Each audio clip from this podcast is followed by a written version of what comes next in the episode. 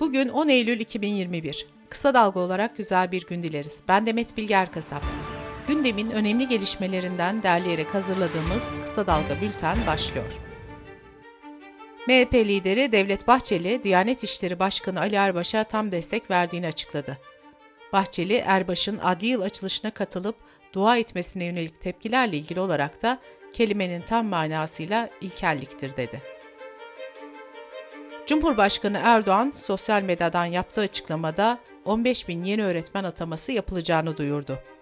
Bu arada Erdoğan'ın 19 Eylül'de Amerika'ya gideceği, New York'ta Türk evini açacağı ve ikili görüşmelerde bulunacağı belirtildi. CHP lideri Kemal Kılıçdaroğlu, İyi Partili Cihan Paçacı'nın tekil konuşuyor sözleriyle ortaya çıkan ittifakta çatlak tartışmalarını değerlendirdi. Kılıçdaroğlu, havuz medyası ittifakın içine nasıl nifak sokabiliriz diye çabalıyor. İttifakta bir sorun yok ifadelerini kullandı. Gelecek Partisi Genel Başkanı ve dönemin Başbakanı Ahmet Davutoğlu 17-25 Aralık soruşturması ile ilgili açıklamalarda bulundu. Dört bakanın Yüce Divan'a gitmesinin Erdoğan'la ortak kararlar olduğunu anlatan Davutoğlu, sonradan Erdoğan tarafından bakanlara farklı bir talimat gittiğini söyledi. Davutoğlu, bakanlardan Zafer Çağlayan'ın da üstü örtülü bir tehditte bulunduğunu anlattı.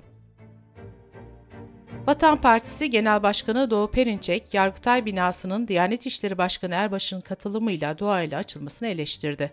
Perinçek, bu Tayyip Erdoğan yönetiminin gidişatı ile ilgili çok önemli bir işaret. İniş halindeler, kaybediyorlar ve kaybederken de mantıklı davranmıyorlar dedi. Anayasa Mahkemesi Başkanı Zühtü Arslan, ilk derece mahkemelerinin yüksek mahkemenin verdiği kararlara direnmesini eleştirdi.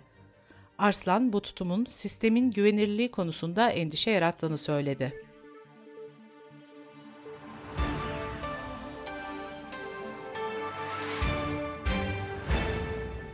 İstanbul Büyükşehir Belediye Başkanı Ekrem İmamoğlu, Cumhurbaşkanı adayı olup olmayacağı yönündeki tartışmalara ilişkin bir soruya yanıt verdi. İmamoğlu, bana düşen belediye başkanlığını en iyi şekilde yapmak, hedefim İstanbul'da tarihin en başarılı belediye başkanı olmaktır, daha ötesi yok diye konuştu. Sosyal Güvenlik Kurumu 52 ilacı geri ödeme listesinden çıkardı. Tüm Eczacı İşverenler Sendikası zaten alım gücü düşük olan vatandaşlarımızın çoğunun ilaca ulaşması zorlaşacak açıklaması yaptı. İstanbul'da 26 Haziran'daki onur yürüyüşünde gözaltına alınan 8 kişi hakkında kanuna aykırı toplantı ve yürüyüşlere katılarak ihtara rağmen dağılmama suçundan 3 yıla kadar hapis cezası istemiyle dava açıldı. İstanbul Büyükşehir Belediyesi Marmara Denizi'ne kıyısı olan ilçelerde sahillere tsunami tahliye yolu tabelaları koymaya başladı. Tabelalarda tsunami tehlikesinde izlenecek yol gösteriliyor. İçişleri Bakanlığı'nca ülke genelinde eş zamanlı olarak güvenli eğitim uygulaması yapıldı. 56.783 okul servis aracından eksikliği tespit edilen 486'sı trafikten men edildi. İstanbul Tarım ve Orman Müdürlüğü ekipleri Gürpınar su ürünleri halindeki denetimlerinde boy yasağına uymadığı gerekçesiyle 8 ton 795 kilo balığa el koydu.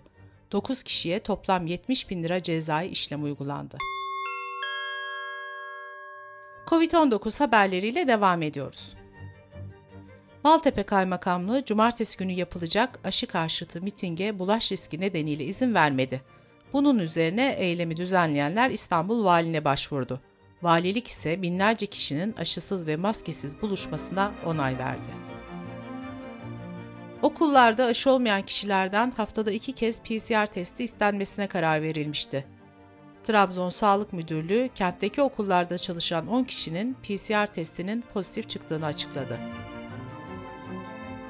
Sağlık Bakanı Fahrettin Koca, hastanelerdeki aktif vakaların %90'a yakınının aşı olmayan ya da aşısını tamamlamayan kişiler olduğunu belirtti.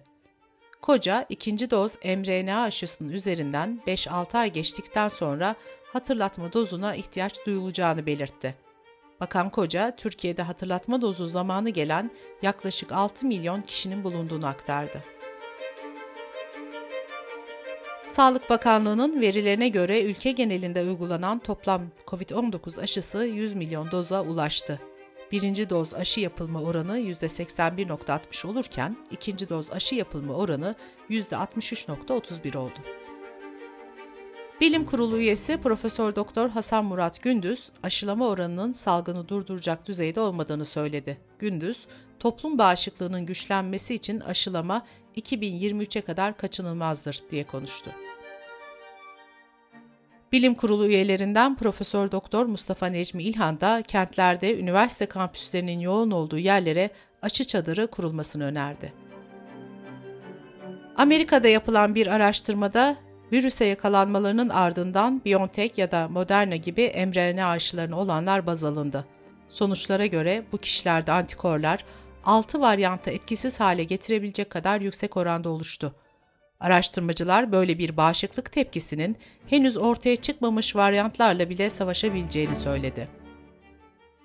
Enfeksiyon hastalıkları ve klinik mikrobiyoloji uzmanı doçent doktor Ümit Savaşçı, Türkiye'de de görülen Mu varyantı ile ilgili olarak kışın bizim için sorun olabilir.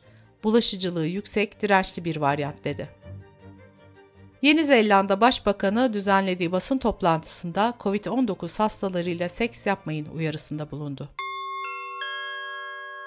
Sırada ekonomi haberleri var. İnşaat Müteahhitleri Konfederasyonu Genel Başkanı Tahir Tellioğlu, çimento sektöründeki haksız ve fahiş fiyat artışlarına karşı inşaatları 24 Eylül'e kadar durdurduklarını açıkladı.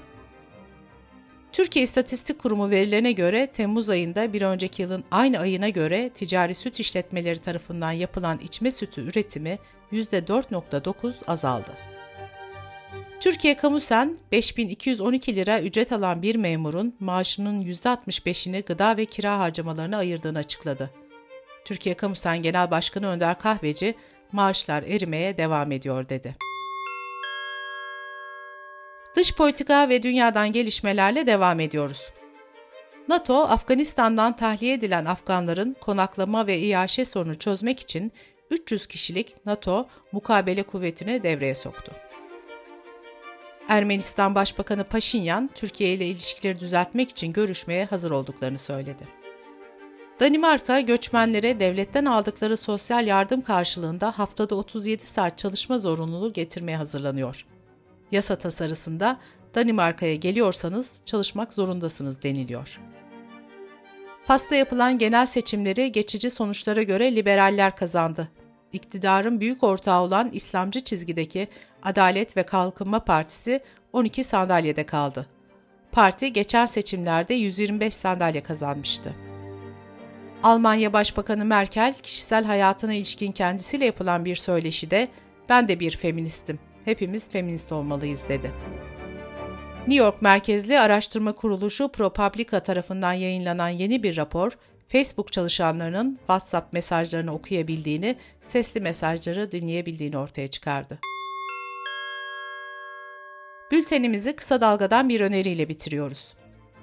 Melis Tufur, Yalnız Yürümeyen Kadınlar podcast serisinde tercih ettiği yaşam tarzını, değerlerini savunan kadınların sarsıcı hikayelerini anlatıyor. Kısa Dalga.net adresimizden ve podcast platformlarından dinleyebilirsiniz. Gözünüz kulağınız bizde olsun. Kısa Dalga Medya.